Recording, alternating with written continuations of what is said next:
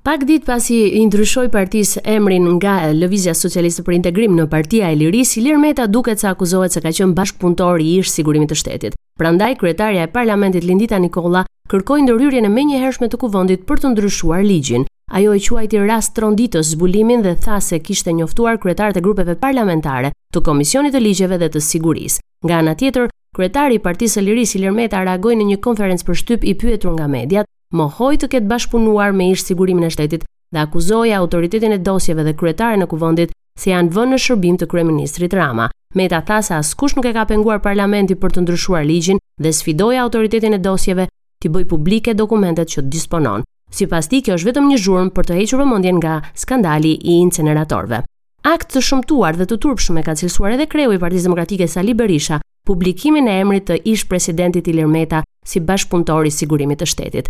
Në një reagim të tij, Berisha akuzoi Ramën se i tmerruar nga opozita, ai ka urdhëruar falsifikimin dhe manipulimin e dosjeve dhe sulmoi Metën në një akt hakmarrjeje të verbër. Për kreun e PD-së, Rama ka iniciuar këtë sulm për të tërhequr vëmendjet për vjedhjet e bëra gjatë drejtimit të tij si ish-kryetar bashkie dhe kryeministër. Duke dënuar këtë akt si amoral, Berisha tha se asgjë nuk do ta shpëtojë Ramën dhe ekipin e vjedhjeve të tij nga gjykimi publik popullor. Mijëra njerëz mbushën sheshin Skënderbej të enjten në mbrëmje në një koncert festiv me rastin e njëqind vjetorit të vendosjes së marrëdhënieve me Shtetet e Bashkuara të Amerikës dhe hapjen e negociatave me Bashkimin Europian. I pranishëm në shesh ishin uh, kryeministri Rama, presidenti Begaj, ministra dhe ambasadorja e Shteteve të Bashkuara Yuri Kim. Për publikun u prezantua edhe një herë mesazhi i presidentit amerikan Joe Biden, si dhe ai i ambasadores amerikane Yuri Kim. Mesazhe dhanë edhe krerët e Bashkimit Europian. Ursula von der Leyen në fjalën e saj tha, mund të jeni vërtet krenarë për atë që keni arritur. Urime nga thellësia e zemrës sime, më në fund mund të nisim negociatat dhe ky është para së gjithash suksesi juaj. Ju u siguruat që Shqipëria të përparonte në mënyrë të qëndrueshme në rrugën europiane. Edhe pse i pranishëm në shesh kryeministri Rama vendosi t'u drejtohej qytetarëve kështu.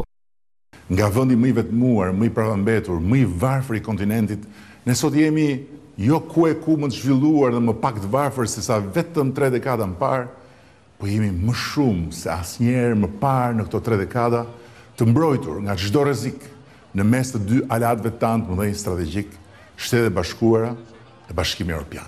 Ndjehuni mirë sonte, ndjehuni mirë çdo ditë më tutje sepse më e fortë Shqipëria s'ka qenë kurrë, më të fortë se sot shqiptarët në Shqipëri dhe në këtë rajon s'kanë qenë kurrë, falë pa diskutim edhe dy kokave të shqiponjës, miqësive tona, Shtetet e Bashkuara dhe Bashkimit Evropian. Mesazhe urimi u bënë edhe nga drejtues të shumë të qeverive të Bashkimit Evropian. Kryetari i Partisë Demokratike Sali Berisha i ka bërë thirrje kryeministrit Rama që të mos luajë çmimin e energjisë elektrike. Përndryshe, Berisha është shprehur se Partia Demokratike do të organizojë një nga revoltat më të fuqishme që ka parë vendi. Sa i përket kryetarit të Partisë së Lirisë, Ilir Meta, Berisha tha se janë në komunikim të vazhdueshëm. Ai, gjithashtu në konferencën e përjavshme duke folur për energjinë elektrike, është shprehur se tenderat janë bërë në një platformë të pacertifikuar. Berisha theksoi se çmimi në bursë është 300 euro, ndërsa 300 euro kanë shkuar në xhepat e qeveritarëve. Për përfaqësuesit e Partisë Demokratike reforma territoriale e miratuar në vitin 2014 rezultoi të jetë një dështim. Në një takim me qytetarët, nënkryetari i demokratëve Oerd Bylykbashi tha se kjo reformë largoi shërbimet nga qytetarët. Një reformë e cila i përgjigjet interesit të qytetarëve, të komuniteteve, pavarësisht që është një reformë me një rëndësi thelbësore politike, por mbi të gjitha është interesi i qytetarëve. Viti dy mijë e katërmbëdhjetë, ajo reformë që u bë atëherë, që ishte në aspektin kohor pak më e gjatë se sa kjo që duan të bëjnë kësaj radhe mazhoranca me me atë në përpjekjen e tyre për të bërë marrëveshje dhe pazare që nuk janë në interesin e komuniteteve. Për demokratët ka rëndësi që harta e re administrative të jetë sa më funksionale. Ndarja që u zhvillua në atë kohë ishte tërësisht politike e njësive administrative, një ndarje që ka dhënë ato rezultate negative që të gjithë qytetarët i vuajnë sot, sidomos në pjesën e komunave, thanë demokratët.